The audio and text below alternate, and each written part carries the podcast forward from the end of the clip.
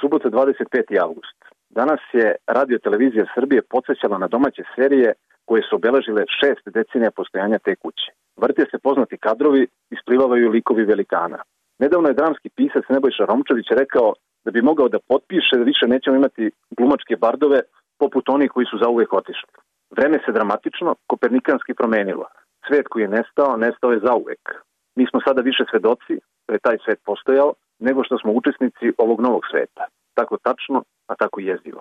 Svetih se scene iz serije Grlom u jagode. Na Beogradskoj železničkoj stanici Bane Bumbar i Miki Rubiroza pričaju o tome da li treba ostati ili otići.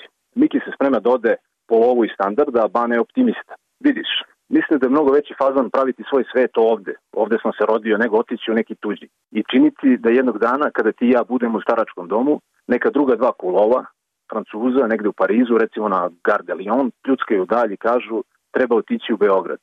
To je prava stvar. Serija priča o 60. godinama, snimana je polovinom 70. Pola veka kasnije, jasno je ko je bio u pravu. I jasno je da je danas nezamisliv takav razgovor dvojice mladih Parižana na tamošnjoj železničkoj stanici ili bilo kojoj drugoj evropskoj. Ali nije zamisliv ni na Beogradskoj, jer taj svet više ne postoji, kao ni ta železnička stanica. Nedelja 26. avgust. I jutro si bila tamo, skrivena iza ćoška zgrade Dečijeg pozorišta na Novom Beogradu. Primetio sam tu staricu pre nekoliko meseci. Uvek sedi oborene glave, pred nje je stara kućna vaga umotana u najlon. Nije odabrala mnogo prometni deo ulice koji vodi ka pijaci, nego se još čučurila ugao da je niko ne vidi, a opet da je opaze oni čiju je pomoć došla da bez reči zatraži. Ta vaga je poslednji čuvar njenog dostojanstva, prepreka stidu, štit od sramote za koju su drugi krivi. Prolaznici najčešće mimo iđu, pa kada tek nakon nekoliko koraka shvate o čemu se radi, vrate se i stanu na vagu. Tada svi prećutno, prilično ubedljivo, igraju svoje uloge u ovom nesrećnom uličnom pozorištu. Mušterije se mere i dok se kazaljka na vagi još nije ni smirila, bez pitanja za cenu spuštaju po neku novčanicu starici u ruku. Hvala, doviđenja. I bez vage je jasno da je teško. Sa njom ipak malo lakše. Svima. Ponedeljak, 27. august. Posle vikenda na stolu u redakciji čekaju svežnjevi novine od subote i nedelje. I naravno današnje. Uhvatim sebe kako ih raspakujem uz priličnu nelagod. Nemam onaj nekadašnji osjećaj da ću saznati nešto novo, a novine se valjda baš zato tako i zovu, nego znam da će me već pogled na naslovne strane iznervirati. Sećam se da je Zoran Đinđić govorio kako novine ne čita pre kasnog popodneva, jer kada bi to činio ujutru izgubio bi svaku volju da bilo šta uradi toga dana. A novine u Srbiji s početka ovog veka koliko god se tada činile ovakvim i onakvim, uglavnom svakakvim, bile su Guardian i New York Timesovi u poređenju sa većinom ovoga što svakog jutra izleće iz štamparske mašine. Verovatno preterujem. Ipak su mičavi, a s viškom slobodnog vremena mogu to proveriti u nekoj biblioteka koje te primjerke još čuvaju. Okresne stranice sa kojih sikće i ujeda primitivna, ogoljena propaganda. Nema više ni neuspešnih pokušaja zamotavanja objava u kore profesionalnih pravila i tobožnje objektivnosti. Ne, ova pita je bez kora. Traf, Svima je jasno da te bitange, ovaj lopovi secike sa ološ koje je opet došlo da pljačka. Već na sledećoj stranici tu podzvanja bljutavi nečitljivi intervju sa nekim valjda važnim koji uspeva da u svakoj sedmoj rečenici preskoči da pomene genijalnost predsednika i njegovo vizionarstvo, dok mu ne polazi za rukom da u svakoj drugoj rečenici ne istrese kantu pomija na one koji ne misle tako. Na idućoj stranici Perese, verovatno po skupoj tarifi, funkcioner oklevetan, opet verovatno po skupoj tarifi u drugim novinama. Onda sledi red čerečanja nekog opozicionara ili seciranje twitteraša. A nekako ka sredini razmazalo se zlo u različitim oblicima. Ubio, ubijen, ubijena, ubila. Razne zapaljeni, izboden, eksplodiralo pucnjava. Bombom, pištoljem, nožem, mačetom. Pa sladostrasno upucavanje detalja. Ko je najviše plakao, zapomagao, urlao, ko se onesvestio, ko preti pa novi krug podsjećanja na jučerašnje nesreće i nerešene slučajeve. Uz naravno nastavak višegodišnjeg feltona o misteriju Borči, što je odavno postala stalna rubrika bez koje te štampotine ne izlaze. Politika, društvo, smrt pevačice, sport, TV program. Uvredljivo, primitivno, neprofesionalno. Humor za neduhovite, slova za nepismene. Naravno, čast izuzecima koji uporno na svoju štetu u inat satirućem tržištu samo prave novine. Prave novine. Utorak 28. avgust. Danas se priča o tome trebali vratiti obavezno služenje vojnog roka. Jedna od tačnih rečenica koje opisuje medije je da oni ne utiču na to kako ćeš da misliš, nego o čemu.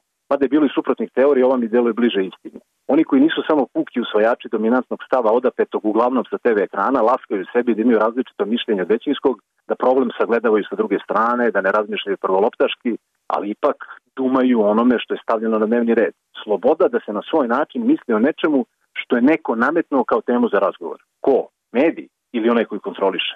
Predsednik? Ili je to u Srbiji pleonazam? Ovoga puta o vojnom roku.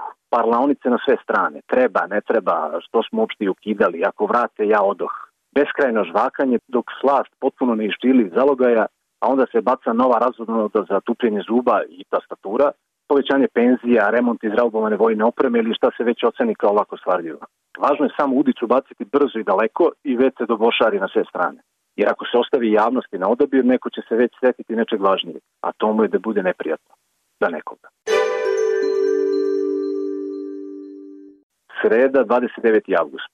Znao sam, to je taj mirit. Rasteruje leto.